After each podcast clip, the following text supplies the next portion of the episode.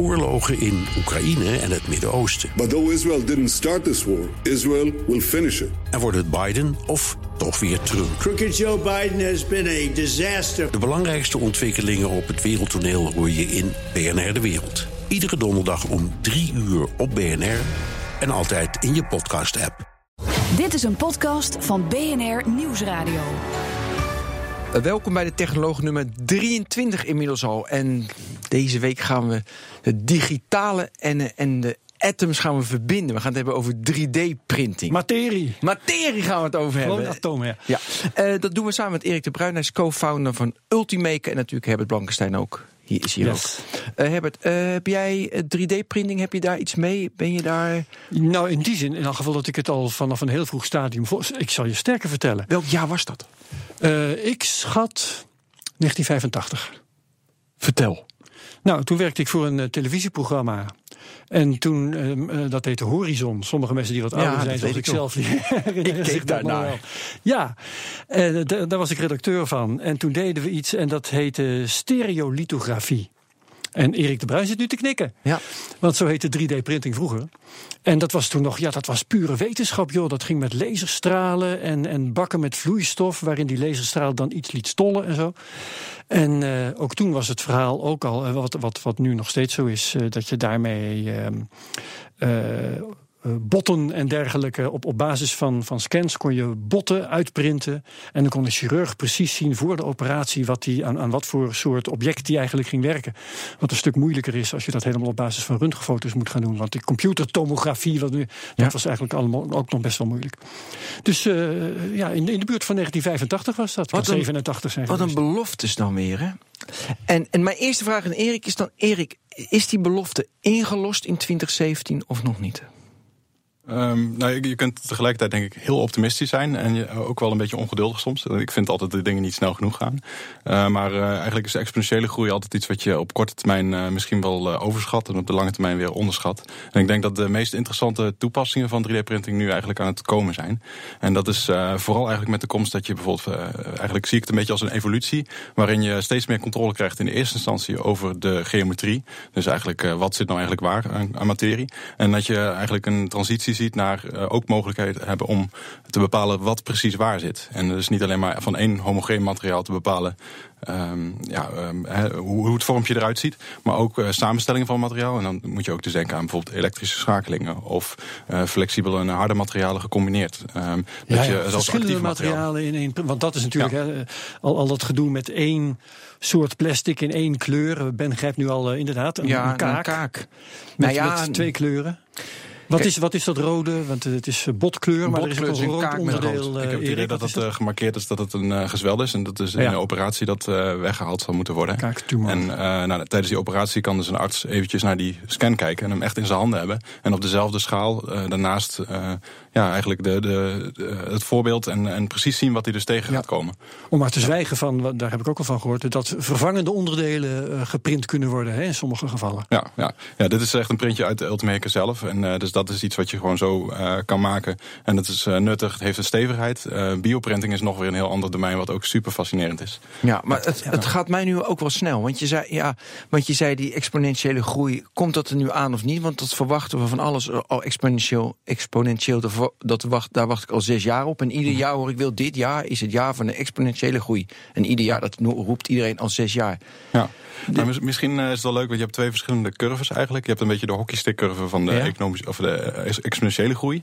En uh, tegelijkertijd heb je ook de hype-curve. De hype cycle. En, De Ja, hype cycle van van Gartner, ja. Dus ehm, eigenlijk uh, de, de belofte die is natuurlijk uh, een tijdje terug het grootste geweest. En Ja. uh, de Ja. meeste aandacht voor geweest. Ik denk Ja. een jaar of drie geleden stond 3D-printing best wel bovenaan. Want wij kochten ook direct die Ultimaker zelf in elkaar gezet. Want je had twee pakketten. Eentje van 1200 euro volgens mij en eentje van 1600. En wij kochten dan die van t- die goedkope. Dan konden we hem zelf in elkaar zetten. En dan maakten we dan inderdaad van die hele lullige met plastic dingetjes mee. Een Eiffeltoren. Een Eiffeltoren. Ja, ja, ja. Eh, uiteindelijk ook wel eh, een 3D van de mens. Weet je, dat was allemaal hartstikke leuk. Maar dat is. Ik, mm, ik- ja, dat werd uiteindelijk. Is het, nou ja, voor dat consumer niet zo. Terwijl ik nu die, die, die business toepassingen zie. Want wat goed. je eigenlijk zegt, eh, Erik, in bede- bedekte termen. Eh, een paar jaar geleden, wat zal het zijn geweest, vijf, zes jaar geleden of zoiets, waren de verwachtingen nogal hoog gespannen. Ja. En dat heeft een beetje getemperd moeten worden. Ja, ik, ik denk dat er een combinatie is van eh, twee Moores eigenlijk. Eh, je hebt eh, Jeffrey Moore met Crossing the Chasm. Ik denk dat veel bedrijven in de eerste instantie een product maken wat echt een tinkere doelgroep eigenlijk ook de, de early adopters die eigenlijk al een technologie willen proberen omdat het kan. En eh, vervolgens krijg je de, de groep eigenlijk die er iets mee gaat doen omdat het ook echt gewoon voordelen biedt boven wat we tot nu toe al deden. En dan kan het een veel grotere vlucht nemen en dat zien wij nu ook gebeuren. En dat is, dat is het, het mooie. Ja. De andere wet van Moore die is natuurlijk bekend dat je eigenlijk steeds meer mogelijkheden krijgt. Ja, en, eh, tegelijkertijd gebeurt dat. En als de aantallen van eh, bijvoorbeeld 3D-printers die wij nu ontwikkelen eh, en, en, en eh, ook weer verkopen, als die eh, heel hard toenemen, eh, dan heb je tot op zekere hoogte word je ook wat conservatiever. Want je moet gewoon een apparaat hebben wat het gewoon ontzettend goed doet. En eh, niet alleen maar wat heel veel kan. Eh, daar hebben we Ja. wel een leuke uitweg voor gevonden. Want eh, ons apparaat is voor een heel groot deel open source technologie. Dus we hebben heel veel technologie hebben we wel zelf ontwikkeld, maar hebben we weer open source gemaakt. Eigenlijk in de gedachte van onder het oorspronkelijke RapRap project. Eh, wat Ja, dan een, dat moet je eh, even ja, daar- uitleggen. daar, kom Ja. ik later nog iets verder op, eh, op terug dan. Ja. Maar wat ik, wat ik dus het gave vind is dat ehm, ja, we kunnen daarin technologie delen en daarmee de mogelijkheid geven om er nog veel meer van te maken. Dus er zijn klanten die zijn al zo ongeduldig dat ze bepaalde dingen willen doen die wij nog niet als algemene trend zien. Maar die kunnen ze dan zelf mogelijk maken. Ja, en daar profiteren, profiteren jullie dan weer van, doordat je dat weer van die klant aangereikt krijgt. Ja, ja soms is het de technologie zelf al, moet ik zeggen, dat we ook vooral een indicatie krijgen van wat men wil. Eh, we krijgen een idee van wat eh, heel moeilijk of heel lastig of of heel makkelijk eh, te bereiken is. eh, doordat anderen al dingen geprobeerd hebben. En, eh, dus dat heeft heel veel voordelen. Maar zullen we dan even terug inderdaad naar de ontstaansgeschiedenis van... eh, Jij kijkt een beetje moeilijk. Nou hè? ja, omdat ik nog even, ik wilde er nog even op doorgaan. Want je zei crossing, the- eh, dus crossing the chasm, dat is een hele lastige. Hebben jullie daar bewuste dingen voor gedaan? Want er zit een, een Leg mij dat even uit. Oh, dat is, weet je, je gaat, van early- je gaat van de innovator naar de early adapter. En dat is. Oh, en, ja. en zeg maar, de, eh, en, de, eh, eh, en, en de innovator wil het proberen, die vindt het leuk, die kijkt functioneel. Maar daarna moet het ook een emotie. Dan moet het van, hé, hey, ik heb er iets aan, ik kan er iets mee. En dat gat is bij innovatie altijd verschrikkelijk lastig. Van en dat, e-mail naar sociale media. ja, en, en die emotie, en dan is heel vaak dus producten die in, dan in innovatie zitten, weet je, daar gaan ze bewust iets mee doen. Hebben jullie dat gedaan of ontstond het? Of hoefden jullie daar niet actief in te zijn? Eh, ik denk dat er heel veel zit hem op, eh, op kwaliteit eigenlijk. Dus als je een eh, product maakt als bedrijf, dan kun je dat product maken voor de groep die eigenlijk alles geweldig vindt als het maar. het hoeft niet eens helemaal goed te werken. Ja, dan hebben die 11% En, heb je dus dan, dat, de dat is die, kleinere Ja. groep. En de kunst is om niet alleen maar naar die groep te kijken, maar ook een grotere groep te kunnen. Eh, omarmen, eh, zonder je roots te verliezen eigenlijk. En eh, ik denk dat de, de kunst is om de kritische klant, om da- daar juist heel goed naar te luisteren. Heel nieuwsgierig te zijn naar wat, wat die eigenlijk nou mist. Of welke gebruikers kunnen nog absoluut niet met ons product werken. Ja. En daar heel veel van te leren en ook dat sturend te maken in je eigen ontwikkeling. Ja, en kan je dat concreet maken met zeg maar een product? Ik pak nu een product, want nu vind ik het een beetje abstract wat je Nou, misschien, eh, ja, kijk, eh, in de Ultimaker eh 2 versus de Ultimaker 3 bijvoorbeeld. eh, In de Ultimaker 2 moest je nog veel meer zelf doen. Dus, Wacht even. eh, De, de eerste was die houten. De tweede, die hebben we ook. Dat, Ja. dat, we- dat is die, eh, eh, die kunststoffen. Die witte. ja, ja. En de drie is, want die hebben we niet. Ja, de 3 is eentje die, die eh, eh, eigenlijk, eh, het is ook veel meer een Internet of Things apparaat eigenlijk. Hij heeft een camera erin zitten. Je kunt, kunt op afstand kun je Oh, kijken mooi. hoe je printje gaat. Je hoeft hem zelf niet meer helemaal te kalibreren. Dat je bijvoorbeeld. Dat was een precies- gedoe, jongen, dat kalibreren. Ja, nou, dat soort dingen die, die Nou, we dat kostte echt uren. Dus dan moet je echt in het begin zitten en niet erg vinden om te kalibreren. Daarom, sommige mensen vinden het leuk, maar als je er gewoon productief mee wil zijn, dan is het helemaal niet leuk. En dat is dus precies, als je blijft luisteren naar de, de doelgroep die je al goed kon bedienen, eh, dan eh, maak je nooit eigenlijk als bedrijf ook die stap. En ik denk dat eh Ultimate goed geslaagd is om die stap te maken naar een grotere doelgroep die er gewoon serieus mee aan de slag wil. Ja. Nou wil ik even naar het terug. begin. Tuurlijk, ja. Terug, terug naar de, de roots en de wortels. Eh, want jij noemde de rap-rap. En ik, dat- Ja. ik, ik weet wat je bedoelt, maar niet iedereen die luistert zal dat weten. Dus het is begonnen met een ontwerp eh, aan een of andere Britse universiteit. En dat ga jij, ga, ga jij nou vertellen. Ja, ja eh, de Adrian Boyer aan de Universiteit van Bath. eh, die Bath, heeft ehm, eh, eigenlijk de plannen open source gemaakt eh, voor het bouwen van een 3D-printer. Dus dan moet je zelf letterlijk naar de bouwmarkt om eigenlijk alle nuts en bolts te halen. Stangetjes, ja. En eh, de andere onderdelen die kon je dan 3D printen. Nou, dat was Ja. Tegelijkertijd was dat iets wat weer exponentiële groei mogelijk maakt. Maar tegelijkertijd ook was dat op dat moment een kip-en-ei probleem. Want eigenlijk niemand had een goed werkende 3D-printer om die onderdelen mee te maken. Dus was je eigenlijk aangewezen op hele dure uh, commerciële machines. Toen noemden we commerciële machines. Um, Inmiddels uh, is daar niet zo'n scherp onderscheid meer. Maar dat was dus een community die eigenlijk die machines bouwde. Nou, In welk jaar praten we nu? Uh, wat zal het zijn? Begin van de eeuw, zo'n beetje. Dat is voor mijn tijd ja, In 2007 begon dat, uh, begon dat zichtbaar te worden. En in 2008, uh, toen dacht ik, toen, toen ik dat tegenkwam, toen dacht ik, nou, dit is het meest gave wat je kunt doen. Jij was toen dus student? Ja, ik was student. Ja. Ik, ik, zag een project waarbij je een, een, apparaat maakt, waarbij eigenlijk de fysieke wereld ineens domein wordt van een open source community. En ehm, een community die ook niet alleen maar leuk een ontwerp kan delen, waarvan je dan vervolgens het allemaal moet gaan na figuur zagen of met de hand gaan zitten maken maken. Nee, dat kun je gewoon letterlijk met één druk op de knop kun je dat dan weer uitprinten. Nou, een, een beetje naïef misschien, want het was niet één druk op de knop. Het was een heleboel uh, programmeren, solderen en uh, zelf je eigen elektronica etsen. Um, dus er kwam heel veel bij kijken, maar dat was heel leerzaam en ook heel erg leuk. En uh, dat gaf ons eigenlijk ook als, als founders van het bedrijf ook de mogelijkheid om heel veel van de verschillende domeinen te leren en ook te weten hoe je ze kunt integreren. en dus daarmee weer een, een goed verbeterd apparaat te ontwikkelen. Ja, ja, ja, die hele community, uh, mede dankzij het feit dat het allemaal open informatie was, die heeft uh, elkaar en zichzelf uit het moeras omhoog getrokken. Ja, eigenlijk wel. En ik denk dat uh, de, de, kracht van de open source community, van dat, dat Tinker is dus heel erg uh, groot. Tegelijkertijd was er ook weer zoveel diversiteit aan 3D-printers, dat uh, eigenlijk um, dat, dat, dat nekte het ook wel, ja, nekte het een beetje. Het is succesvol op zichzelf, maar de echte mogelijkheden komen pas als je een stukje uniformiteit hebt. Dus als je bijvoorbeeld een bestand hebt wat je met iedereen kan uitwisselen. En technisch gezien was dat wel mogelijk. In de praktijk was dat een stuk lastiger. Maar toen was het dus conceptueel al dat we nu zeggen van software gaat software programmeren. Toen was het al van 3D-printers die die, die gaan zelf 3D-printers maken die weer producten kunnen maken. Dus dan hoeft de mens drukt op een gegeven moment op een knop en dan wordt alles gemaakt door een 3D-printer en dat gaat automatisch door en wij kijken naar. Dat was conceptueel toen al het idee. Spreken. Ja. ja. En, en uh, wat wel interessant is, uh, ik heb toen mensen wel horen zeggen van, nou ja op een dag hebben we allemaal een 3D-printer in ja, huis staan. dat is een interessante ontwikkeling. En dan gaan alles wat we nodig hebben, gaan we 3D-printen. Onze kopjes en schoteltjes, ons bestek, uh, noem maar op. Um, is, is dat vooruitzicht er nog steeds, Erik? Of is dat een beetje getemperd nu? Nou, ik denk dat je gaat heel veel dingen zien voordat de, de Star Trek Replicator als het ware uh, er is. En uh, die zijn eerst zichtbaar. En ik denk dat daarna nog weer meer mogelijkheden komen. Um, maar uh, ja, die Star Trek Replicator is gewoon het meest ver weg wat, je, wat je zult tegenkomen. Ik denk veel dichterbij is bijvoorbeeld dat je spare parts. dus ja. heel praktisch. ik kreeg gisteren nog te horen van familielid van... ja, je moet toch nog echt even een printje voor mij maken, want ons zwembad wordt vies. Want er is een onderdeel van het zwembad wat letterlijk in beton gegoten is... waarvan een onderdeeltje stuk is, dat kon ik gewoon uitprinten. Dat had ik al vaker gedaan. Maar dus ik produceer iets on demand voor iemand een uh, waarvan geen voorraad meer beschikbaar is. Uh, dus de leveranciers die, uh, die willen dat niet meer leveren of die kunnen het niet meer leveren. En natuurlijk kan ik dat als één op één met een andere persoon, kan ik iemand daarin voorzien. Dus dan los ik een soort vorm van marktfalen op. Maar je hebt natuurlijk ook allerlei bedrijven die hier hun eigen businessmodel van kunnen maken. Ja, want dat is wat jij bedoelt. Het idee was zoals iedereen een fotocopieapparaat thuis heeft. Weet je, want dat kost niks. Dus iedereen uh, weet thuis. En je, uh, en je fotocopyshops. We dachten in het begin, iedereen krijgt een 3 3D-printen thuis.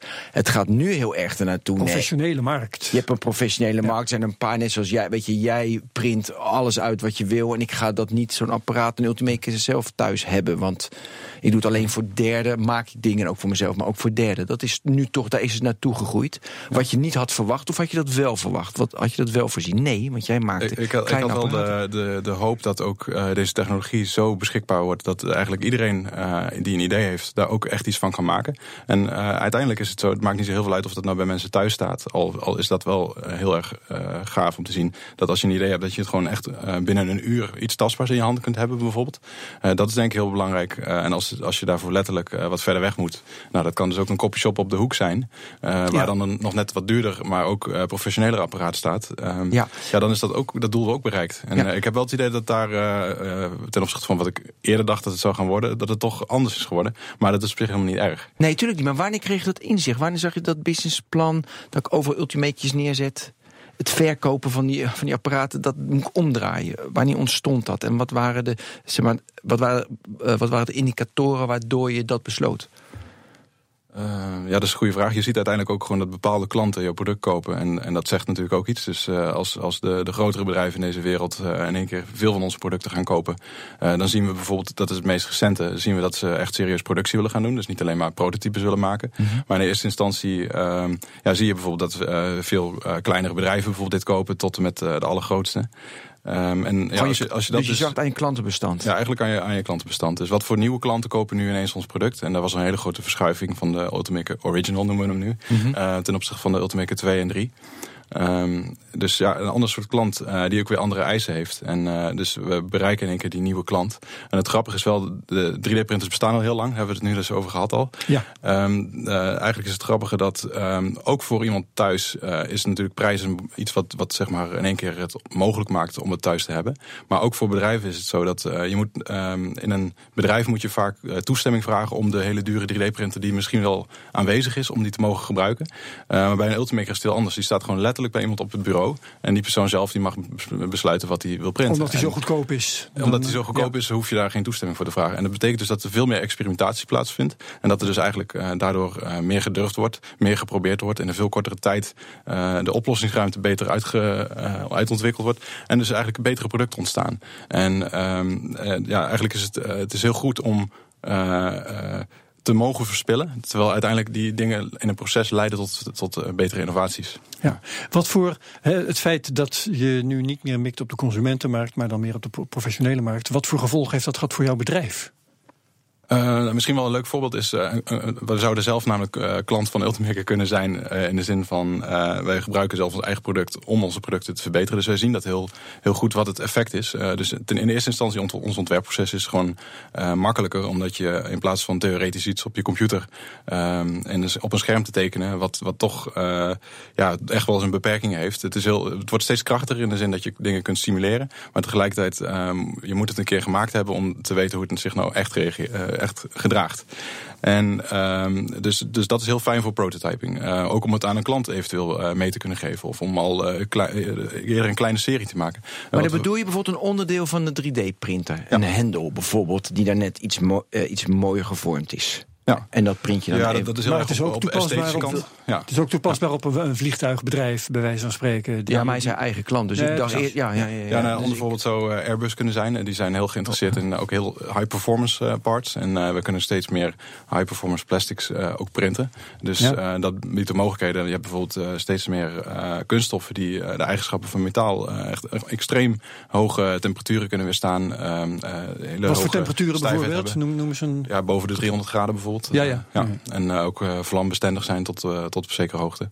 Dus, uh, en, en ondertussen ontzettend licht zijn. En dus dat, dat biedt bijvoorbeeld in de luchtvaartindustrie heel veel mogelijkheden. Ja. maar eigenlijk de, de eigenschappen van alle materialen die geprint kunnen worden, die wordt, dat wordt steeds meer uitgebreid. tegelijkertijd is ook gewoon het gemak waarmee je het kunt maken is steeds groter. Um, en, en natuurlijk ook, um, eerst was het zo dat als je een printje kon maken en het lukte, dan was je al blij. Dat was een tijdje geleden was dat ja, zo. Ja. nu is het zo, nu wil je gewoon die, die, dat percentage prints wat slaagt, dat moet gewoon in, uh, eigenlijk liefst in de 99,9 procent uh, zitten. En naarmate dus de apparatuur zowel betaalbaar blijft, maar ondertussen veel betrouwbaarder wordt, kun je ook series gaan produceren. En dat is eigenlijk waar het voor onszelf ook in één keer een enorme mogelijkheid bood. Maar dat was noodgedwongen. dat was dat we wilden de Ultimaker 3 op de markt brengen, maar we hadden nog een, een wijziging gedaan in het product, wat toch in de realiteit vaak um, ja, wat wenselijk is. Je hebt nog iets nieuws geleerd en je ja. wil dat er eigenlijk uh, toch in kunnen stoppen. Uh, nou, we moesten of die wijziging moesten we dan maar gewoon lekker laten zitten en het product op de markt brengen. Nou, daar waren we niet uh, tevreden over. We niet, nee. Dat wilden we toch mogelijk maken. En, maar we konden niet meer een nieuwe mal uit China mal laten produceren en vervolgens een spuitgietproduct laten maken. Dus dat was niet meer mogelijk. het grappige is dat onze aantallen van Ultimakers waren al groot genoeg dat spuitgieten wel voor de hand liggend is. Maar we hebben toen gewoon een hele serie van onze eerste producten hebben we ingezet om dus de onderdelen te maken voor de, voor de eerste serie machines die we uitgeleverd hebben. Geweldig. Ja. Ja. Dus het heeft ons letterlijk gered. Je, je zegt, ja. uh, we kunnen steeds meer materialen. Je noemt wat voorbeelden, uh, performance en zo. Maar um, is het nou met uh, zo'n Ultimaker 3 bijvoorbeeld... hoeveel verschillende materialen kan die aan? Of, of heb je het over de, dan verschillende types die verschillende materialen aan kunnen? Uh, nee, eigenlijk is het wel. Uh, we hebben een verwisselbaar kopsysteem. Dus uh, okay, we, we, zouden allerlei verschillende koppen per materiaal kunnen uitbrengen. Maar we hebben wel eigenlijk een bepaald soort printkop die heel geschikt is voor eigenlijk al een heel aantal materialen. Um, het leuke is eigenlijk ook voor een groot deel is het ook software. Dus als je de juiste kop erin stopt, dan weet de software ook van dit is de kop waar je dit en dit en dat materiaal mee kan printen. Dus je hebt bijvoorbeeld nylon, je hebt polycarbonaat, je hebt um, ABS is heel, heel bekende. Ja. Um, PLA, biologisch afbreekbare kunststof. en je hebt nog allerlei thermoplasten, of sorry, uh, elastomere thermoplasten. Dat wordt een beetje ingewikkeld, dus, maar vooruit. Bijvoorbeeld, uh, dit is een, uh, een, Ja, ik voel het. Ja, uh, dit is trouwens. Uh, dat is een zooltje van een. ja, ja. een, een zool. Ja, bijna, ja, ja, ja, ja okay. Siliconenachtig materiaal. Ja, dit, dit, is, dit is trouwens, dit zijn siliconen. Dus okay, um, er zijn ook manieren om tot siliconen voorwerpen te komen um, op basis van 3D-prints. Dus alleen het verwisselen van een, een spuitkop stelt je in staat om hele, een eh, heel scala aan materialen te gebruiken. Klopt, ja. Als je iets verandert in de, aan de printerkant, dan verandert het ook uh, op je computer in de software waarin je het kunt voorbereiden. Um, we hebben de software Cura ontwikkeld en die biedt je de mogelijkheid om dus je print voor te bereiden om naar de printer te sturen draadloos. ondertussen is het ook zo dat als je iets stuurt, dan uh, ja, eigenlijk die printer en, en de computer staan continu met elkaar in verbinding. En uh, dus uh, alle settings die je normaal gesproken handmatig moest doen, dat zijn er bijna 300 verschillende settings die je kunt doen. Dus je hebt ontzettend veel controle. maar er wordt er ontzettend veel al voor jou gedaan, doordat je bijvoorbeeld een bepaalde rol op de, op de machine hangt. dan herkent hij die rol en dan weet hij van, oh je probeert met dit materiaal te printen. Um, dan is deze instelling in combinatie met deze printkop is goed. De printer herkent, herkent ook het materiaal dat dan wordt aangeboden. Klopt, ja. ja. Wow, ja, ja, ja. ja. ja. Dat is dus ook al bij Star Trek nog zo'n innovatie van, uh, van, uh, van uh, onze nieuwste generatieproduct. Ja. Hoe doen ze dat? Uh, eigenlijk gewoon een NFC-chip, dus RFID. Oh, oké, okay, zo simpel. Ja. Oh ja. ja. Dus, dus hij, hij, dat is toevallig ook uh, hetgene wat we dus. Hij heeft geen alziend oog, maar je moet wel het, het, materiaal moet je merken, dan kan hij het herkennen. Ja, ja wij, wij leveren die materialen al met zo'n uh, met zo'n letterlijk zo'n stickertje erop.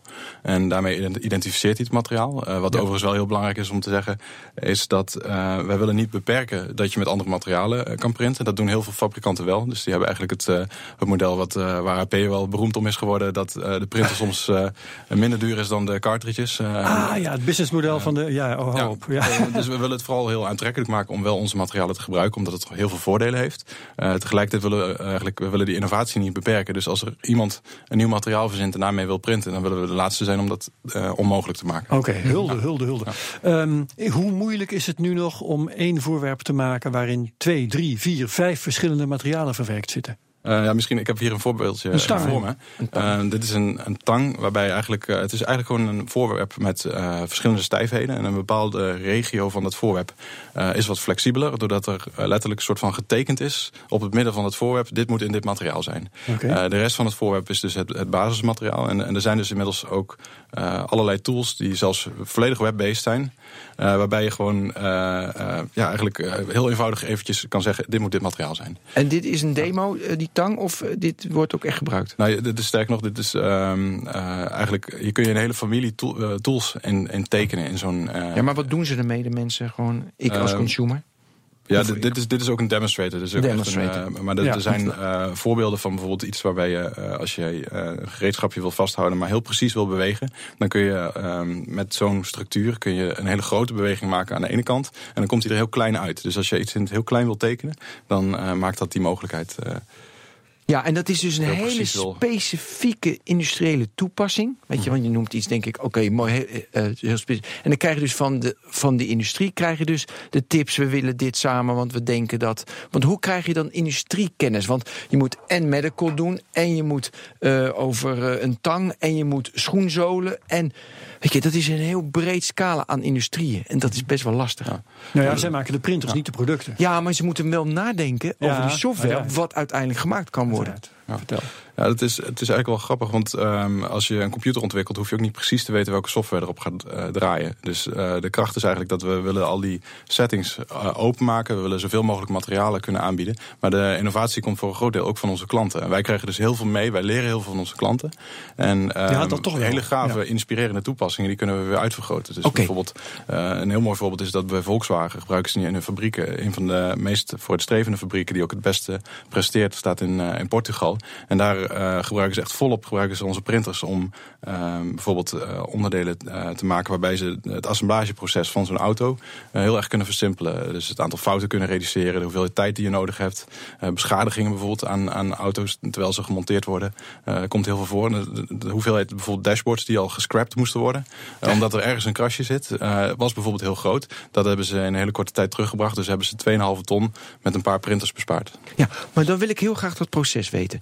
Dus jij verkoopt die printer en ik kan natuurlijk software op, uh, kan ik zeg maar programmeren zelf als Volkswagen om dan die krassen, uh, zeg maar. Maar uh, Volkswagen weet niet dat ik dat met jouw printer kan. Hoe gaat het proces van jij hebt die printer gemaakt tot die inkopen bij Volkswagen, succes. Hoe gaat dat? Dan moet jij als bedrijfje, sorry, bedrijf. Mhm. Dat lijkt me lastig. Hoe ging dat proces? Um, ik denk dat uh, er zijn altijd wat mensen binnen bedrijven die heel uh, progressief zijn. En uh, vaak worden dat eigenlijk ook de uh, de personen die binnen zo'n bedrijf laten zien van kijk, dit is mogelijk. En die hebben misschien jouw klant bedoel je? Binnen, ja, dan binnen vaak zijn dat ook wel uh, onze eigen uh, early adopter klanten. Die, zijn al, die hebben zelf, voor zichzelf thuis een printer gekocht. Nemen die een keer mee naar het werk. En die printen iets wat meteen bijvoorbeeld een paar duizend euro bespaart. Dan denken ze, oh, maar die paar duizend euro besparing... die is eigenlijk al groter dan de kosten van het apparaat zelf. Ja. En misschien moeten we hier iets mee. En uh, zo zie je eigenlijk dat allerlei bedrijven... die zitten nu in een fase waarin ze denken van... nou, hier moeten we niet alleen iets mee. Dit is een belangrijke strategische pijler voor ons. Ja. En dus uh, hier krijgen we een uh, competitive edge... omdat we bijvoorbeeld minder voorraad hoeven aan te houden. Omdat we on-demand kunnen gaan produceren. En hebben ze dan altijd genoeg aan een standaard 3D-printer van jouw Of zeggen ze nou, deze graag, maar eh, kan niet tien keer zo groot zijn? Ja, het grappige is, uh, soms hebben onze klanten hebben een bepaald verzoek. En dan gaan ze die printer aanpassen omdat het kan. En omdat ze ook meer willen. En dat is ook wat waarom ze vaak voor ons product kiezen. vervolgens komen we met de volgende generatie uit. En dan zijn heel veel van de verbeteringen die ze gemaakt hebben, zijn al niet meer nodig. Um, tegelijkertijd um, ja, hebben ze dus de mogelijkheid om dingen aan te passen. Zowel in software als in hardware.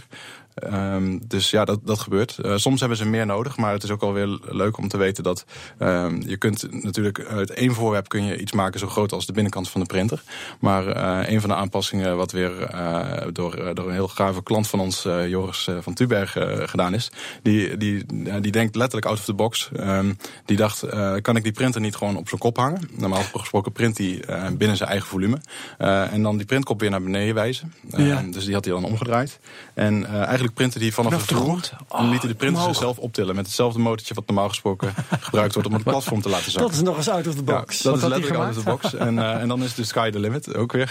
Ja. Als ze dan toch uh, in beeldspraak. Uh, ik, ik, zie gelijk een, een heel scenario voor allerlei recordpogingen. Deze heeft 10 meter gehaald en deze heeft 12,5 meter gehaald. Ja, wat had hij gemaakt? nou, eigenlijk de reden waarom hij dit ontwikkelde was omdat hij een, een, een, olifant wilde printen op ware grootte. en in plaats van het het, wat veel mensen doen is een, een Yodaatje uitprinten, een klein poppetje of iets, iets leuks. Dat zijn vaak die eerste printjes en daarna komen de nuttige toepassingen. Maar uh, ja, hij wilde dus een olifantenbare groot maken voor een petitie om uh, dierenleed. Met een standaard off-the-shelf 3D-printer. Ja, met, met dus, onze Ultimate Original was het zelfs nog. Ja. En uh, daarmee kon hij dus uh, met, met vijf gelukt? printers naast elkaar. Dat is hem gelukt. Ja. ja. Geweldig. Ik hou wel van dat soort Ik wil ook heel graag even de verschillende industrieën. Want we hadden het ook kort over healthcare. Uh, kun je, kunnen we wat onderscheid maken in de industrieën en hoe groot het is en wat er dan ook dus gebeurt? Ik heb weer die kaak even, want dan. Dus er zijn echt uh, kaakchirurgen Waarom printen ze dan zo'n kaak uit? Ja, het bijzondere is, volgens mij was het in Spanje, maar er is zelfs bijvoorbeeld een ziekenhuis die nu eraan denkt, waar ze eraan denken om het verplicht te maken om alles waar een medische scan van is, om dat ook maar te printen, zodat je tijdens een operatie niet voor verrassingen komt te staan. En uiteindelijk is bijvoorbeeld vanaf een, eh, een, een 2D-foto aflezen wat er nou eigenlijk in 3D uh, uh, ja, aan de binnenkant zich uh, ja. Uh, bevindt. Uh, ja, dat is natuurlijk dat is eigenlijk een beetje raar dat je dat doet. Um, als het al anders kan. En de medische scanners die er zijn, die kunnen heel mooi in 3D, kunnen ze precies niet alleen maar zien um, dat er iets zit, maar ook wat er zit voor een deel. Ja. En dus de, de dichtheid van de weefsels bijvoorbeeld. Dus je kunt dat allemaal, kun je dat ook weer geautomatiseerd gaan labelen. Andere toepassing binnen de medische wereld is ook nog heel erg gaaf. Dat is, het is, het is letterlijk zo dat als jij een, een botbreuk hebt of um, ehm, een vrij extreme operatie moet ondergaan, dan gaan ze vaak freehand eh, drillen. Dus met, uit, de, uit de losse pols, letterlijk met een, eh, met een eh, boor of met een slijptol gaan, ze, gaan ze lopen zagen en hakken. Nou, dat, dat, dat vind ik zelf een beetje een eng idee. Ehm, wat ik veel liever heb, is dat ze van tevoren in de computer, dat ze al precies kunnen uitdenken hoe ze die operatie willen gaan doen. Ja. Dat ze eigenlijk alles wat ze willen doen, dat ze dat via letterlijk gewoon een vormpje waar al het gat in zit, waar ze alleen maar doorheen hoeven te boren. Ehm, en ook bijvoorbeeld eh, eigenlijk allerlei gereedschapjes die die operatie makkelijker maken, waarbij je niet meer puur eh, eh, hulde aan artsen die dat, die dat kunnen, maar dat ze niet meer uit de losse pols hoeven te Ja. werken. En dan heb je die schedel, die is geprint. Is meer PR. In Utrecht was dat, weet je, hartstikke mooi. Of was dat meer dan PR?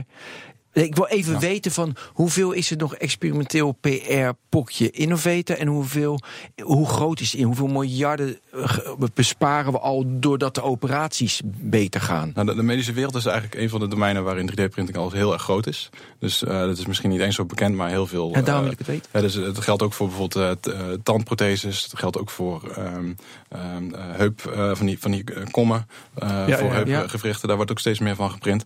Het bijzondere is namelijk, als je de mogelijkheid hebt om bijvoorbeeld een poreuze print te maken, dan gaat weefsel van je eigen lichaam gaat er ook weer ingroeien. Je kunt zelfs eh, een print maken waar weer eh, hormonen al eh, in meegeprint worden, zodat de juiste weefsels ontstaan. Maar hoe groot is dat echt al miljarden? Want ik vroeg aan mijn zwager, die was standaard, hij is net klaar. Ik zeg dat 3D-print. Hij zegt, nou echt niet, dat kan helemaal. Ah, hij is een ouderwetse man. Maar weet je, dat, dat Nou, heeft... soms, soms weten ze het niet eens, want de tandheelkundige laboratoria waar dat dan toegepast Ja? wordt, eh, die, die vertellen niet precies hoe ze alles maken. Dus, Maar de vraag was hoe groot, weet je iets van getallen, miljarden, hoe groot, de, hoeveel ziekenhuizen? ja, Nee, ik, ben niet zo'n expert in, in precieze cijfers, maar ik weet wel dat eh, juist de medische wereld, want het bijzondere daar is dat iedereen anders is. Dus de- en dat geldt ook voor mode bijvoorbeeld, daar is eh, 3D-printing ook weer heel, heel groot. Ehm, Wil je nu de industrie mode doen? Of wil je Ja, ik, denk dat bijvoorbeeld uh, juwelen is ook een hele typische toepassing. Maar het is een beetje jammer dat dat een toepassing is. Omdat uh, juwelen zijn succesvol omdat het heel klein is. En 3D-printen was tot nu toe altijd heel erg duur. En dus als je hele kleine printjes hebt, dan uh, eigenlijk de kosten gaan per volume. En dus als je iets heel groots wil doen, zoals een olifant bijvoorbeeld, was dat voor, tot voor kort was dat eigenlijk onmogelijk. Nu wij als fabrikanten met een open materialenstrategie, dat, dat je, je mag je materiaal bij ons kopen, dan heb je heel veel gemak.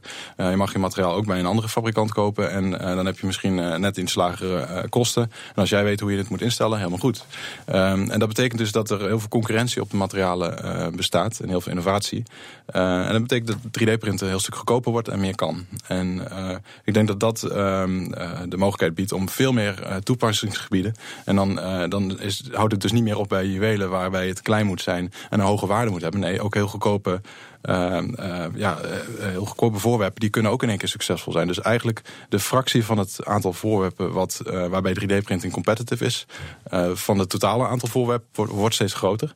Um, ik denk wel dat het altijd zal gaan. Het is altijd een verschuiving van die domeinen waar het over, overweldigend succesvol is, tot en met ja. dingen waar de massaproductie eigenlijk redelijk efficiënt is en, en er een goede omloop in, in onderdelen is. Maar je gaat wel naar een soort van longtail mogelijkheid uh, toe eigenlijk. En dat vind ik wel heel fascinerend. Ik heb wel een vraag over uh, de juwelen. Want als, uh, bij toepassing van 3D-printing in de juwelenbusiness... Mm -hmm. wat 3D-print je dan eigenlijk? Je gaat geen diamant 3D printen, want die vind je kant-en-klaar in de natuur. Dat kun je alleen maar afhalen. Kun je niet laag voor laag opbouwen. Nou, um, ja, bijvoorbeeld eigenlijk alles uit, uh, uit uh, precious metals, zeg maar. Dus uh, bijvoorbeeld goud en zilver. Oh. dus metalen zijn daar een leuke toepassingen van. Ik heb hier ook een, een vorm van een, een, voorbeeld van een, ons, ons Ultimaker robotje eigenlijk. waarbij dat... Is puur zilver dit? Nou, dit is, dit is aluminium. Ja, weet In dit geval. maar je kunt namelijk de printjes die je maakt, kun je gebruiken als, als mal, bijvoorbeeld. En um, dan kun je eigenlijk via een heel traditioneel proces, wat al, wat al super lang bestaat, kun je dat um, als, volgens de verloren wasmethode, um, kun je daar weer uh, metaal voor in de plaats schieten. Dus dan heb je eigenlijk ja. voor uh, ja, eigenlijk niet hogere kosten dan. Um, um, het, het, het, mooie is dat uh, bij 3D-printing de kosten niet hoger worden als je unieke dingen wil maken. En nee. dus je kunt een uniek juweel maken en het is, uiteindelijk is het niet, niet duur. Dus dat is het mooie. Uh, zie je, we hebben uh, dus de geneeskunde gehad, we hebben nu juwelen en straks komt industrie ook nog. Eh, we hebben nog wel meer, denk ik. Eh, zie je in die waardeketen, jij maakt de 3D-printers en je zorgt voor die software dat mensen daarop kunnen programmeren. Merk je in de waardeketen daar nog bedrijven tussen gaan zitten? Ik specialiseer me alleen maar in de software. Ik help ziekenhuizen om alleen maar in de geneeskunde de beste prints te maken. Of in de juwelenindustrie dat op mode daar de beste in te maken. Dus in die waardeketen zie je daar al bedrijven tussen. Gaan die goed? Gaat daar heel veel eh, visiergeld in? Kan je iets vertellen over die waardeketen? Ja, wat wel interessant is, uh, het, werkt natuurlijk goed als, uh, als er een vorm van specialisatie mogelijk is. Dus uh, bedrijven die al toegang hebben tot een bepaalde markt, bijvoorbeeld, bijvoorbeeld dental, die kunnen dan software ontwikkelen. En als dan de printer ook weer eens makkelijk te bereiken is, of daar goede API's aan zitten, dan kun je dus een eindoplossing kun je gaan ontwikkelen als bedrijf, wat dat dan weer vervolgens naar die markt toe brengt. En dat, dat zien we eigenlijk als een mooie manier om toegang te krijgen tot allerlei markten. We gaan niet zelf naar tandartsen, we gaan niet zelf naar allerlei... Maar dat bedoel ik ook, ja. Want dat kan, dat kan nee. nou, maar kijk, een industrie wordt vaak volwassener. Weet je, als daar weer, weet je, ik ben gespecialiseerd in dental, ik ben gespecialiseerd in heup. Uh, in heupen, ik ben gespecialiseerd in ringen. Want dan gaan die de marketing doen op ringen en die gaan naar klanten toe. Ja, dit is een mooie ring. Maar Ja. dat ontstaat nu al. Zijn dat al grote bedrijven of nog steeds klein? Um, nou, wat Klein, je ziet is dat er zijn al ze uh, fabrikanten die, uh, die eigenlijk aan de grootste aanmerken uh, daar de productie voor doen. Um, die hebben ontzettend veel industriekennis rondom allerlei processen. En die zijn nu 3D-printing in hun processen aan het integreren. Dus dat is heel. Noem eens even aanmerken dan. Ja, bijvoorbeeld de, de, een van de producenten voor Apple bijvoorbeeld. Um, dus Apple produceert eigenlijk vaak via third parties. Ja. En dit soort contract manufacturers die willen dan, ja, die pakken een, een deel van het proces of het hele product pakken ze op. En um, die willen dat uh, vaak slimmer doen. En die hebben in-house al een heleboel uh, technologische kennis. En uh, die gaan daar in één keer 3D-printing in toepassen. Want wat willen ze? Ze willen eigenlijk niet um, te laat leveren. Nou, een heel groot voordeel van 3D-printing is dat je heel snel alle gereedschappen kunt maken. Waarmee ook de productie weer versimpeld wordt. Waarmee de hoeveelheid fouten en scrapping lager wordt. Dus we zien eigenlijk dat aan onze klanten kunnen we zien dat dat redenen zijn om die tijdsbesparingen te behalen. Um, ook in productontwikkeling. Um, ja, maar 3D-printing is toch juist niet voor, uh, voor massaproductie, is toch meer voor het specifieke? Ja, eigenlijk heb je, je hebt drie orde groottes. Je hebt uh, prototypes, daar worden er minst van gemaakt. Ja, dan heb je de, de tooling om tot een groot massaproduct te komen. En dan heb je de massaproducten zelf. En uh, wat je eigenlijk ziet is dat um, naarmate 3D-printing goedkoper wordt, betrouwbaarder wordt, um, uh, sneller, meer de materiaal die Sneller meer is al een hele belangrijke factor natuurlijk. Hè? Want Ja. de voornaamste eigenschap van massaproductie is de snelheid. Ja, klopt. Ja. Nou, het bijzondere is eigenlijk dat bijvoorbeeld een spuitgietmachine is niet goedkoop. En daar kun je heel veel 3D-printers, uh, tenminste niet van elk merk, maar uh, van ons merk kun je best wel veel ultimakers neerzetten. Uh, voor dezelfde prijs als, uh, als een uh, spuitgietmachine. Uh, het grote voordeel is dan, uh, je hoeft niet meer uh, je mallen uit, uh, uit te wisselen. Je hoeft ook geen mallen meer te produceren. Uh, dus um, zelfs met spuitgieten kun je op een gegeven moment concurrerend uh, gaan worden. Um, helemaal kleine aantallen spuitgieten, dat is al... Uh, ja. Maar ik verbaas me toch, dat had ik echt niet verwacht, uh, dat met 3D-printing dat je ook in massaproductie gaat. Ik dacht echt, ik bedoel, wij maken bijvoorbeeld een, een doosje maken wij met 3D-printen. Nou, Oké, okay. en wat de klant altijd leuk vindt, dat die doos, de Mobile Viewpoint heet die, dat die, dat die doos kleine aanpassingen kan. Want dat is natuurlijk makkelijk, je maakt kleine aanpassingen. Mm-hmm. En, uh, maar ja, een beetje uh, heel snel 3 miljoen van die doosjes bouwen. Volgens mij zijn er dan goedkopere en snellere methodes dan, dan 3D-printing. Maar dat is dus nu aan het omkeren. Ja, er is uh, bijvoorbeeld een grote Nederlandse uh, fabrikant van uh, consumentenproducten. Noem namen. Hebben, ja, daar kan ik helaas geen naam van noemen. want uh, anders wordt het te, te, makkelijk om te raden. Maar uh, het, is, het is heel gaaf wat zij doen. Ze hebben bijvoorbeeld duizenden producten uh, hebben ze gemaakt in gewoon een paar weken. Um, met gewoon een heleboel ultimakers. Dus uh, die hebben ze letterlijk in een grote rij uh, naast elkaar staan. Ze hebben uh, het heel proces ontwikkeld om te zorgen dat het uh, uh, echt ook uh, kleine bestellingen heel makkelijk naar een klant kunnen. Ja, en, ik, en als het zo gaat, dan, dan zeg jij waarschijnlijk ook... Uh, wat kan mij die consumentenmarkt verder schelen... als fabrikanten zulke aantallen printers afnemen? Ja, het leuke is wel weer, we hebben nog steeds de, de Tinkerers die ook ons, uh, ons nieuwste product ook weer kopen. Omdat ze dus ja. ook uh, eigenlijk de nieuwe mogelijkheden van meerdere materialen door elkaar combineren. Uh, dat ze die heel erg ja, weer fascinerend vinden. Dus die willen daar ook mee verder. Ja. Um, maar Tinkerers dus, zijn dus, leuk, die helpen jou verder. Maar ja. volgens mij zit je helemaal niet te wachten op een of andere oma, met alle respect voor oma's, die alleen maar de helpdesk belt en, en met de handen in het haar allerlei hulp nodig heeft.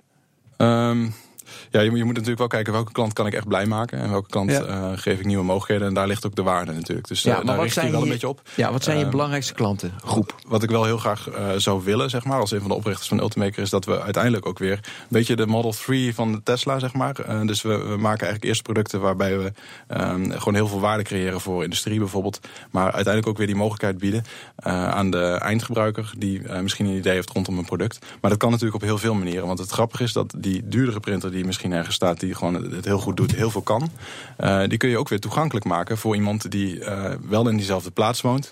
Maar eh, die gewoon zijn bestelling doet naar die machine. En die weet niet eens precies waar die staat, maar hij staat in de buurt. Dus dan ga je er eventjes langs, kun je je voorwerpje ophalen. Dus het Shapeways model. Ja, en, dan nog een stukje decentraler. Wat trouwens wel leuk is om te weten, bijvoorbeeld, eh, je hebt, hebt Shapeways die eh, heel veel eh, gave eh, printprocessen in één heeft. Voor wie het Ehm, niet weet trouwens, ja. Shapeways ook een van oorsprong Nederlands bedrijf. Hè? Peter Wijmershausen heeft het opgericht. Daar kun je je eh, ontwerp, je 3D-ontwerp heen uploaden. En dan zij printen het en sturen het terug in welk materiaal dan ook. Ja. Ja, het gave aan Shapeways is dat je ook gewoon met één druk op de knop een, een, een shop kan beginnen in het voorwerp wat je ontworpen hebt. Dus eh, eigenlijk een beetje zoals je bij Amazon eh, ineens als je een boek gepubliceerd hebt, kun je ook iedereen fysiek die boeken toesturen zonder dat je ook maar iets zelf hoeft te doen Ja. in, die, in die hele logistieke wereld of produceren van boeken. Je hebt ook geen uitgevers eh, op, die, eh, op dat front meer nodig. Ehm, dus die democratisering van technologie eh, maakt het inderdaad mogelijk. Wat ik ook leuk vind is dat bijvoorbeeld 3D-hubs is een weer nog meer gedistribueerd netwerk van. eh, op dit moment zijn het meer dan eh, 4000 mensen met een Ultimaker die de vrije capaciteit van een Ultimaker gebruiken om ehm, dat eigenlijk weer eh, te gelden te maken. Om te printen voor Ja, collega-consumenten, zeg Ja, maar. ja, en eh, ja, dus ja. dan kun je ook iets, iets bestellen, iets unieks. En dan haal je het bij je buurman, eh, bij wijze van spreken, op. Ja, is geweldig. Of, of letterlijk bij je buurman. Ja, weten jullie hoe het gaat met Shapeways? Want ze hebben heel veel geld opgehaald toen.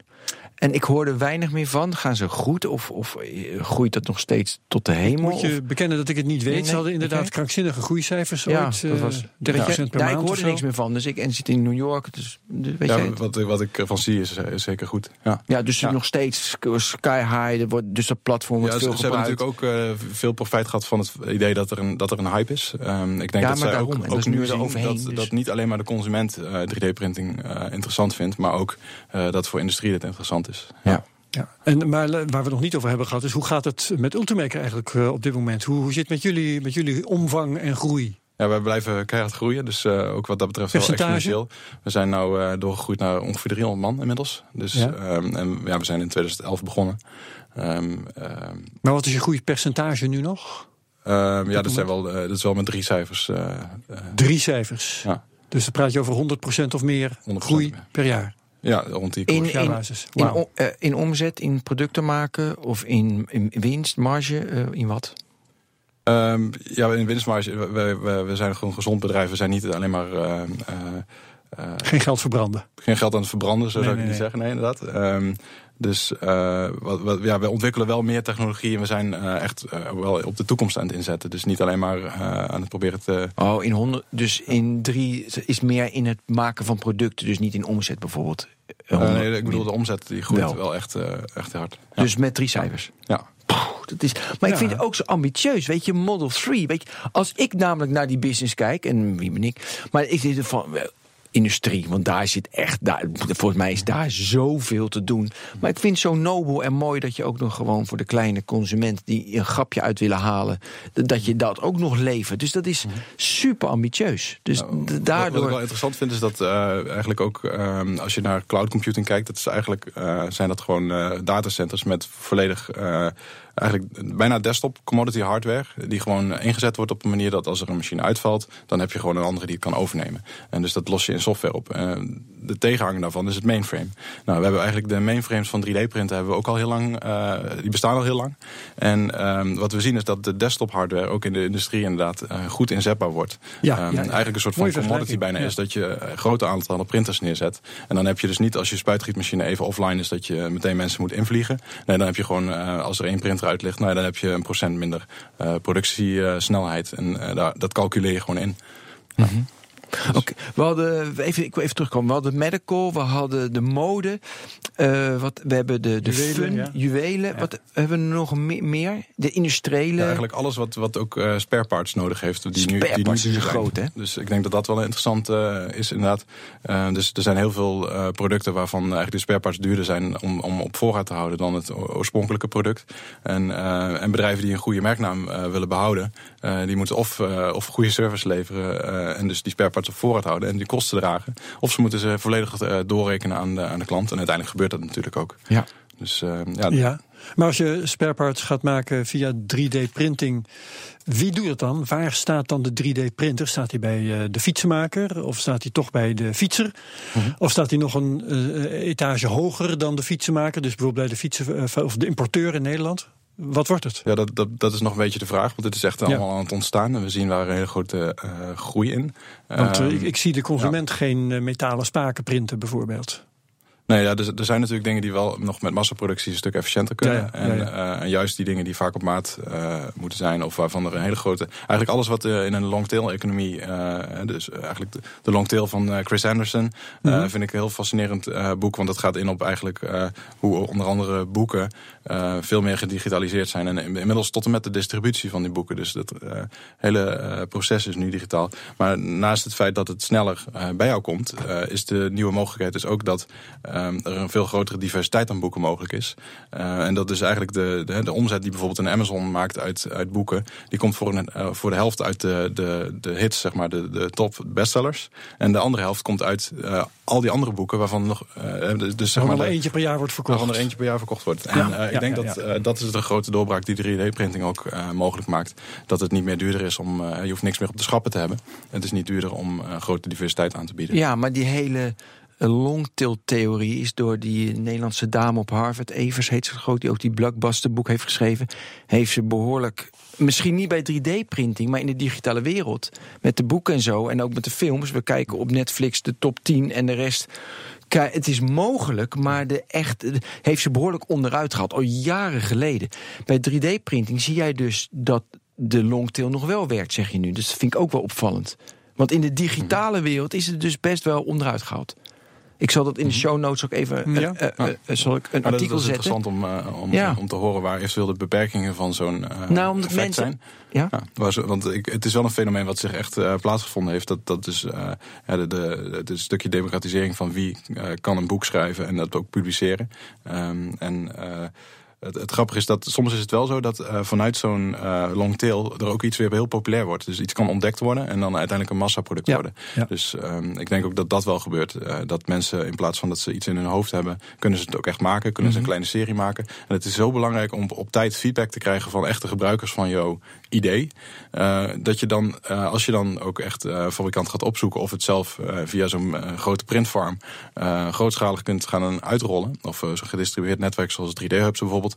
ehm, dan is jouw idee al gevalideerd en dan, ehm, eh, dan kan het ook echt gaan werken. En dan kan het ook slagen.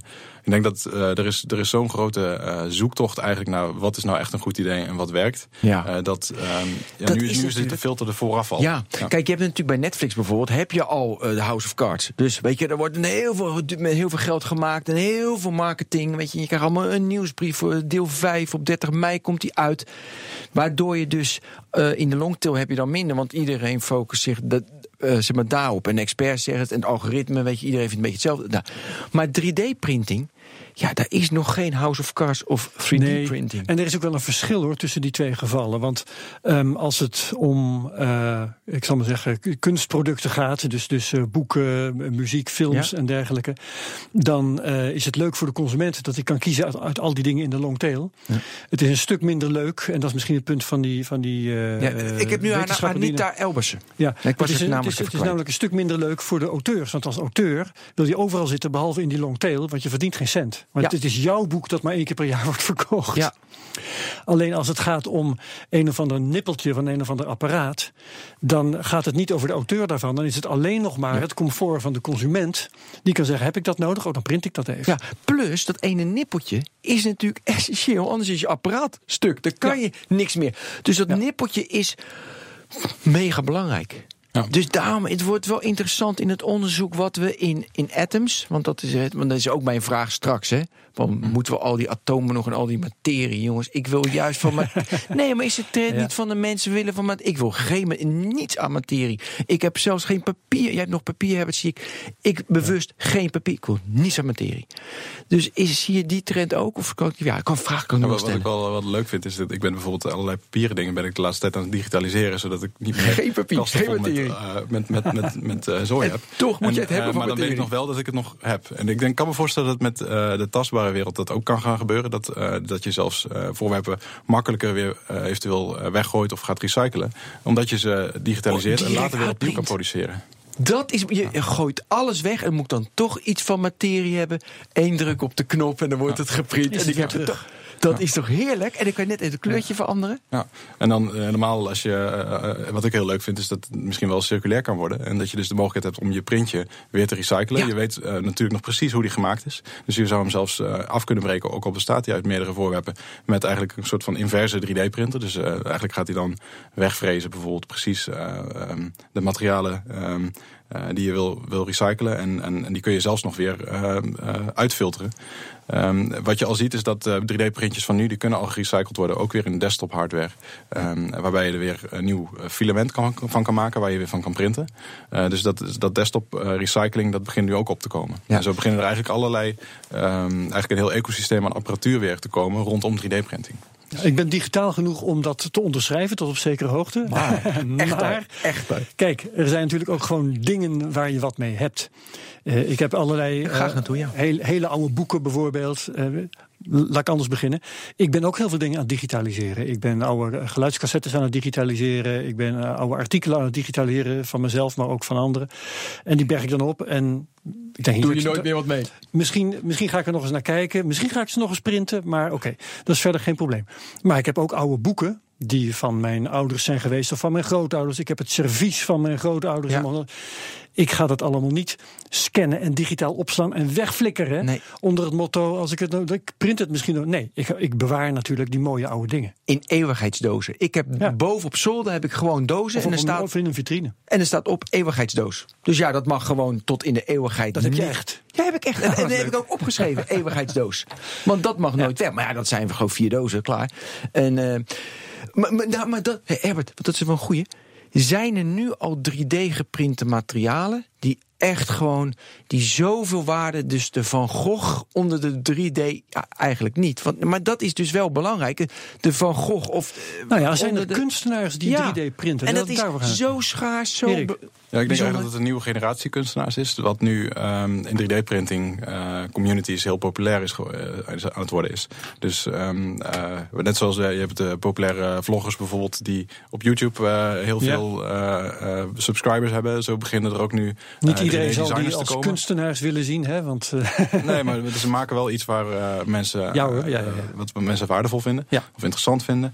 En eh, op dezelfde manier heb je nu dus, dat is misschien heel, heel kinderlijk, maar je hebt allemaal low polygon figures. Dat is eigenlijk een beetje de pixel ehm, art van de 3D-wereld. Ja, zeg maar maar. al die 8-bits Ehm, dingen hè, 8-bit in video, dat komt helemaal terug ook. Dat is, opeens wordt dat nu, nu wordt het als kunst gezien. ja. En dat is natuurlijk wel vaker zo dat het pas veel later, nadat het is geboren, gaan mensen denken: oh, misschien is het toch kunst. Ja, ja. Ja. ja. dus we bieden ook een platform aan voor een community om dus die, die voorwerpen weer te delen. Maar kun je ook kunstenaars noemen, namen noemen van eh, dat- mag, mag vast. Ja, bijvoorbeeld die Flowalistic. Dat is, eh, dat is iemand die dus eh, hele gave... eh Oh, is iemand die allerlei, noemt zich allerlei zo. game characters. Ja, Flowalistic. Ja, Oké, is gaan we- gaan we die, eh, googlen, dingen maakt. Ben? Ja. Ja, die zit ik in snel. Maar wat ik interessant vind, kijk, eh, in het pre in het pre, nee, in het pre-digitale tijdperk was het natuurlijk, je hebt een Van Gogh is er maar één heeft waarde. En toen kwam zeg, en toen kwam digitaal, copy paste, copy paste, copy paste, heeft dus geen waarde meer, want ja, er is, het is overal. De waarde nu is van je wordt eh eh Gangman Style, je wordt 2,8 miljard keer bekeken. Dus omdat het iedereen iedereen heeft het, dan heeft het waarde. Dus je kan zeggen, ja, je kopieert alles met een 3D-print, je maakt alles en ik heb alles miljard keer, joh, helemaal geen waarde meer. Maar dan is het dus weer hoe vaak dit ene kunstobjectje dat mensen dat bijzonder vinden. Dus dan is het weer de hoeveelheid.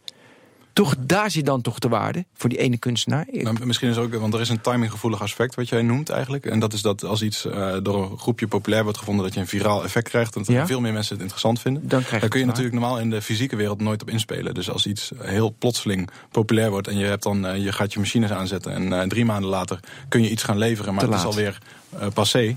Ja, dan heb je een probleem, want dan heb je net al die voorraad opgebouwd. En dat is nou precies het soort verspilling wat je eigenlijk wil voorkomen. Het soort trends waar je wel op zou willen kunnen inspelen als fabrikant. Dus, ehm, en, en dat geldt eigenlijk ook voor alle producten die high-tech zijn, waar je nog van kan leren. Of waar je eigenlijk sneller productintroducties zou willen doen. Eh, je zou gewoon eh, je product veel vaker kunnen veranderen. Eigenlijk net zoals wat in software heel eh, gebruikelijk is. Een website kun je gewoon elke dag veranderen. En je hoeft niet een nieuwe versie naar je klanten te sturen. Ehm, nee, je update gewoon de, de, de code en iedereen die krijgt automatisch de nieuwste versie. En ehm, hetzelfde zou je met eh, producten ook kunnen doen. Je zou zelfs updates van producten kunnen gaan sturen uiteindelijk. Dus, Ja, als noem je- eens een product dan. Eh, Noem eens een voorbeeld. nou, je hebt, je hebt Waarin producten waarbij ziet? misschien een soort van platform mogelijk is. Dus ehm, ehm, ja, ik heb niet echt een heel goed tastbaar voorbeeld, maar misschien is het van een stofzuiger. Heb je misschien verschillende opzetstukken. Ja. En daar daar kan de ene persoon net een bepaald ander iets nodig hebben. Maar dat is Ja. misschien Ze een eruit kant. Nou, vind ik een zoeken. topvoorbeeld. Ja, een geweldig voorbeeld. Ja. ja, ja, ja. En dat je de hele tijd die zuigmond beter maakt. En iedereen. Ja, nee, dat is toch helemaal niet raar? Want dan. Nee, oké. Ja. Eh, Ja, dan krijg je ook iteraties in je hardware. Ja, en eh, zo geldt het eigenlijk ook dat als er iets, iets stuk gaat aan een product bijvoorbeeld... en eh, je weet van tevoren niet precies hoeveel eh, en van welk onderdeel er eventueel iets stuk gaat. Dus als je al, eh, zeg maar, al het backup plan al wel hebt om eventueel dat onderdeel nog snel te kunnen maken... eh, ja, dan, dan wil je eigenlijk wel de apparatuur daarvoor hebben, maar dan eh, weet je nog niet welke dat gaat zijn. En dat, dat kan ook een voordeel zijn om die on-demand te kunnen Wat produceren. wel een interessante vraag is, hoeveel bedrijven bieden dit soort service van hun producten? Hè? Is er al een stofzuigerfabrikant bijvoorbeeld die zijn 3D-modellen ter beschikking stelt voor mensen die nou ja, een zuigmond of wat dan ook willen gaan printen? Ik heb er Eh, nooit van gehoord in elk geval. Ja, wat je in ieder geval ziet is dat dit soort bedrijven zijn allemaal aan het kijken of ze hun eh, kosten van de voorraad niet kunnen terugdringen. Er zijn Ja. dus bedrijven die echt voor miljoenen aan alleen al afschrijving in voorwerpen eh, hebben liggen, waar dus blijkbaar geen vraag naar was. En wat toch geproduceerd is, omdat het heel onzeker was. Maar goedkoper om dan maar grote aantallen te maken. Ehm, en dus ja, eigenlijk de, het feit dat je niet snel kan reageren op vraag maakt gewoon dat mensen moeten speculeren. En eh, dat je of over of onderproduceert. En ehm, ja, dat heeft dus gewoon heel veel gevolgen van verspilling of eh, gedorven inkomsten. Ja. Maar het eh, werkelijk uitvoeren, het beschikbaar maken op die manier, dat is nog, niet, eh, nog lang niet overal. Ja, gedaan. misschien dat onze printers wel bij klanten staan die dat nu eh, Ja. gaan doen. Maar eh, ja, we zien dat het nou een beetje... Nou, ja. ja, Hm. ja. Ja, nee, kijk, het, het mooiste zou zijn als eh, die printer hoeft niet bij, eh, bij Miele of weet ik wie te staan.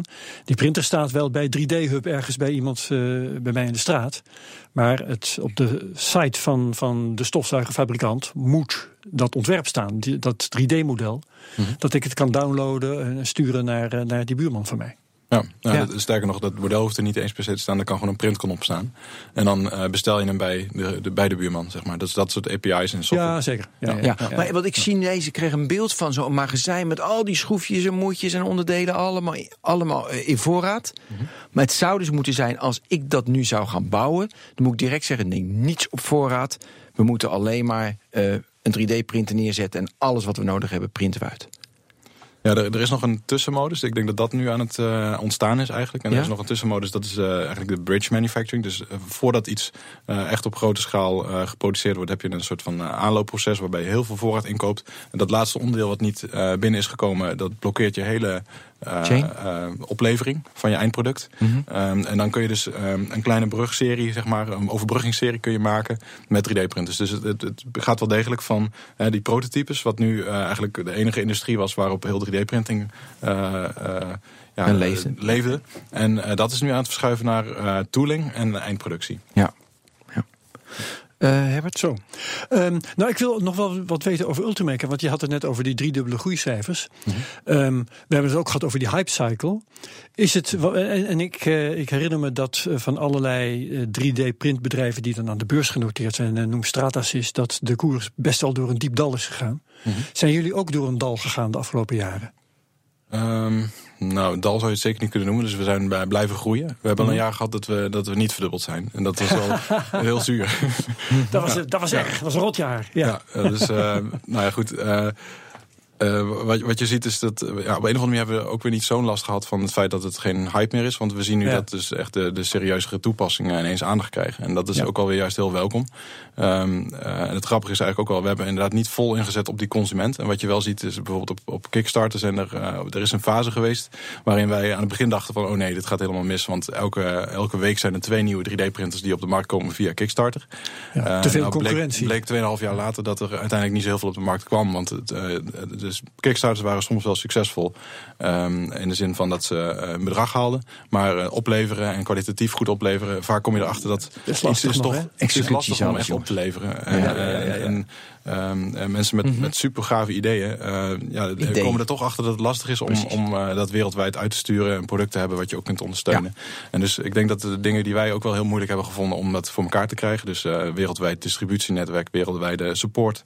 al dat soort dingen die zijn heel lastig om voor elkaar te krijgen. Dat hebben we denk ik goed gedaan. Um, en ondertussen uh, is het de kunst om dan uh, niet te conservatief te zijn. Uh, want je kunt natuurlijk een product maken wat gewoon heel goed werkt, maar in verhouding heel weinig kan. Maar de kunst is wel, we willen wel nog ook, ook leidend blijven in, dat, in die doorontwikkeling. Ja. ja. Um, ik heb de Gardner Hype Cycle hier voor me en 3D-printing staat er niet eens meer op. Dus dat is al zo. Uh, Oké. Okay. Wat er wel op staat voor more than 10 years, helemaal in het begin van de Hype Cycle, 4D-printing. Ja. Hm. Nou, ben je daar al mee bezig? Wacht even. Ja, wat, is, wat is dat? Wacht even, ja. Ja, nou, de, de, de, vierde dimensie is geen ruimtelijke dimensie in dit geval. Uh, wordt uh, tijd. Dus eigenlijk heb je het dan over dynamische voorwerpen. Dus die we kunnen veranderen in de tijd. Heel leuk voorbeeld is bijvoorbeeld, uh, wat, ik, wat ik laatst tegenkwam, was een, een klep. die in, een, in een buizensysteem kan zitten. Die op basis van de zuurgraad bepaalt of een vloeistof linksom in een buisje moet gaan of rechtsom in een wow. buisje moet gaan. Het kan ook op basis van temperatuur. Ehm, dus eigenlijk eigenschappen van materialen benutten. En die bijvoorbeeld in combinaties weer printen waarmee je weer iets helemaal nieuws kan. Een heel gaaf voorbeeld wat ik ook zag, omdat je zo zoveel uh, invloed op de geometrie hebt, is uh, een voorbeeld wat je aan de ene kant induwt en dan komt er aan de voorkant komt er dan een smiley op te staan. En dus dan ga je in het domein komen van programmeerbare materie, waarbij je dus in de computer gaat zeggen ik wil deze eigenschap. Dat ga je met een soort van uh, um, emmertje ga je dat erop gieten van hier wil ik, wil ik vooral deze eigenschap. bijvoorbeeld hier wil ik dat het flexibel is en hier wil ik dat het heel, heel hard en, en, en, en stijf is.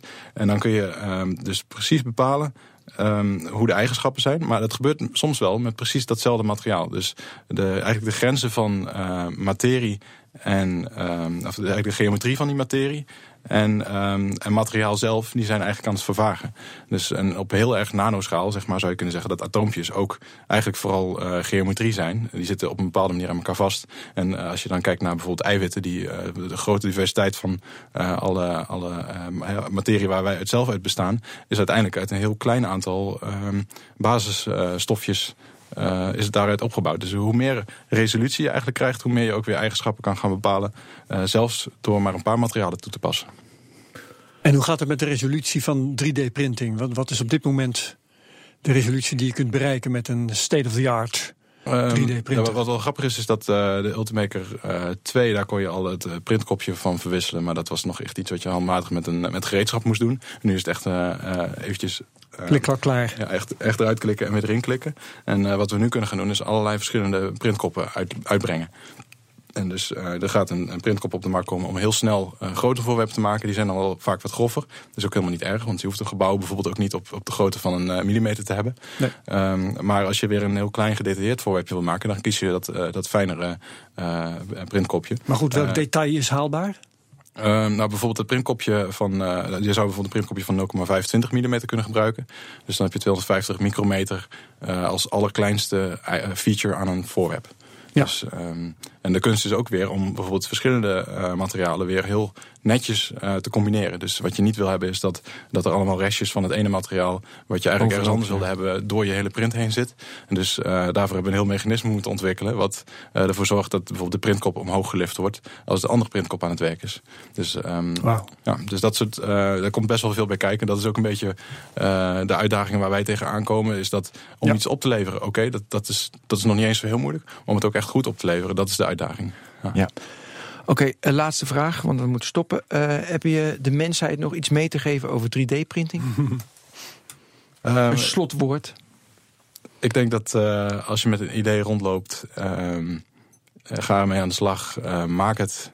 En kijk, leer ervan wat, hoe mensen erop reageren. En, Mooi. eh, ga er wat Maak het en leer Ja. ervan. Ja. Prachtig. Vooral Oké. ook niet te lang nadenken, maar ook gewoon gaan doen. Gewoon doen.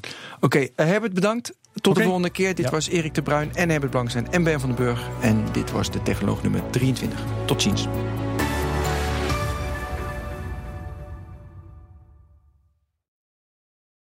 Ook Liesbeth Staats vind je in de BNR-app. Ja, heel handig. Luister live naar Kees en mij tijdens de Daily Move. Dan blijf je ook gelijk op de hoogte van breaking news en het laatste zakelijke nieuws. En daar vind je ook alle BNR-podcasts, waaronder de Perestrooikast. Download nu de gratis BNR-app en blijf scherp.